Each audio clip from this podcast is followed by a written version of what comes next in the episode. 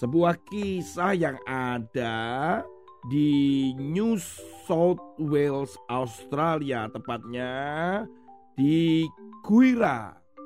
Seorang peternak melakukan sebuah atraksi yang bukan main-main nih. Tapi atraksi ini bukan untuk menyenangkan atau untuk membuat hiburan, tetapi sebagai bukti cintanya kepada tante yang meninggal dunia, anak-anak. Karena kondisi pandemik, sehingga peternak yang bernama Ben ini tidak bisa menghadiri pemakaman tante yang dicintai.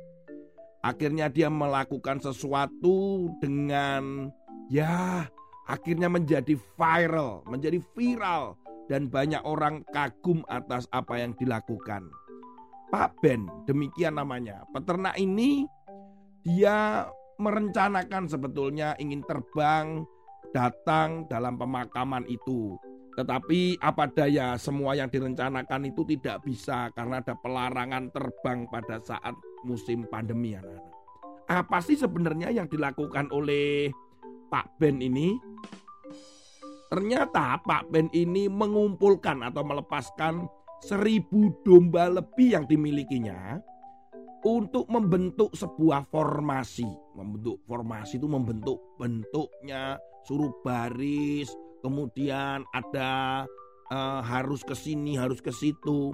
Kemudian direkam dari kamera yang dibawa oleh drone atau pesawat tanpa awak. Kemudian dipotret, di video dalam bentuk si domba-domba ini tadi. Bentuknya adalah eh, kepala dulu. Bentuknya adalah hati anak-anak. Ini untuk menunjukkan bahwa betapa Ben ini mencintai si tante yang dipanggil Tuhan. Sudah dilatih berkali-kali untuk mencoba supaya si domba-domba ini bisa membentuk formasi hati. Caranya memang digunakan adalah makanan domba-domba itu dibentuk hati. Kemudian domba-domba itu dilepas maka dia akan makan pada tempat di mana di situ ada makanan mereka. Nah saat itulah yang tepat kemudian difoto dan di video. Wah hasilnya luar biasa anak-anak. Apalagi ketika direkam itu oleh Pak Ben ketika dikirimkan kepada para pelayat dan saudara-saudaranya saat itu diiringi oleh lagu seperti ini. Nah lagunya saja mendayu-dayu kan. Wah ya betul nih. Bodoh. Dengan lagu Bridge Over Troubled Water. Wih ini membuat suasana menjadi semakin sadu. Rencananya terbang menuju ke tempat pemakaman. Akhirnya ya apa mau dikata tidak bisa terlaksana. Tetapi nyatanya Tuhan berkehendak lain. Dan itu malah membuat banyak orang uh, terenyuh. Terenyuh itu menjadi ikut terhanyut di dalam duka dan simpati terhadap Pak Ben yang tetap menunjukkan cintanya kepada sang bibi. Nah, anak-anak, firman Tuhan hari ini juga berbicara tentang hal itu yaitu ada di dalam Amsal pasal 19 ayat yang ke-21. Banyaklah rancangan di hati manusia, tetapi keputusan Tuhanlah yang terlaksana. Mungkin saja kita merencanakan banyak hal yang mungkin itu sudah kita rencanakan mau pergi ke sana, mau pergi ke sini. Seperti Pak Ben si peternak itu, dia merencanakan pergi ke tempat pemakaman si tantenya. Tetapi kenyataan nggak bisa. Orang boleh merencanakan apa saja, ternyata kembali lagi keputusan ada di tangan Tuhan.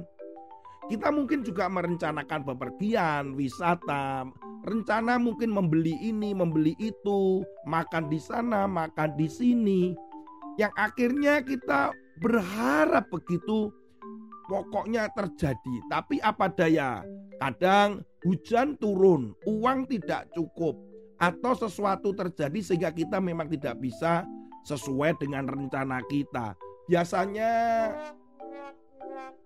akhirnya kecewa, akhirnya menyesal, marah-marah, marah-marah dengan orang tua kita, marah-marah dengan teman-teman, marah-marah bahkan bisa jadi marah dengan Tuhan. Waduh, itu benar-benar anak-anak kita nggak pernah uh, menyangkakan kejadian-kejadian seperti itu. Apa yang harus kita pelajari hari-hari ini? Yaitu satu, kita harus bersyukur bahwa segala sesuatu itu Tuhan selalu memberikan yang terbaik. Manusia boleh merancangkan apa saja, tetapi rancangan Tuhan itu yang terbaik. Dan firman Tuhan juga pernah ditunjukkan dengan kisah perumpamaan yang Yesus pernah ceritakan. Orang kaya yang mengumpulkan harta makanan begitu banyak dan dia berkata begini, sekarang beristirahatlah hai jiwaku katanya.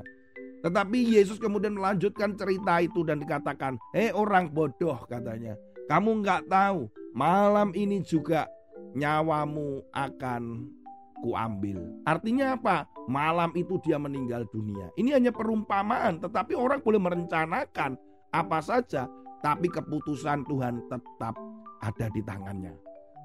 Tentang kematian, kelahiran, apa yang terjadi di alam, semuanya dalam kendali Tuhan. Apa yang harus kita lakukan Kak Tony?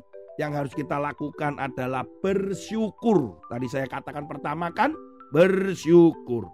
Yang kedua, percaya bahwa Tuhan menyertai kita dan memberikan tetap yang terbaik. Apa itu? Mungkin kita nggak tahu, tidak sesuai dengan apa yang kita rancangkan atau kita pikirkan.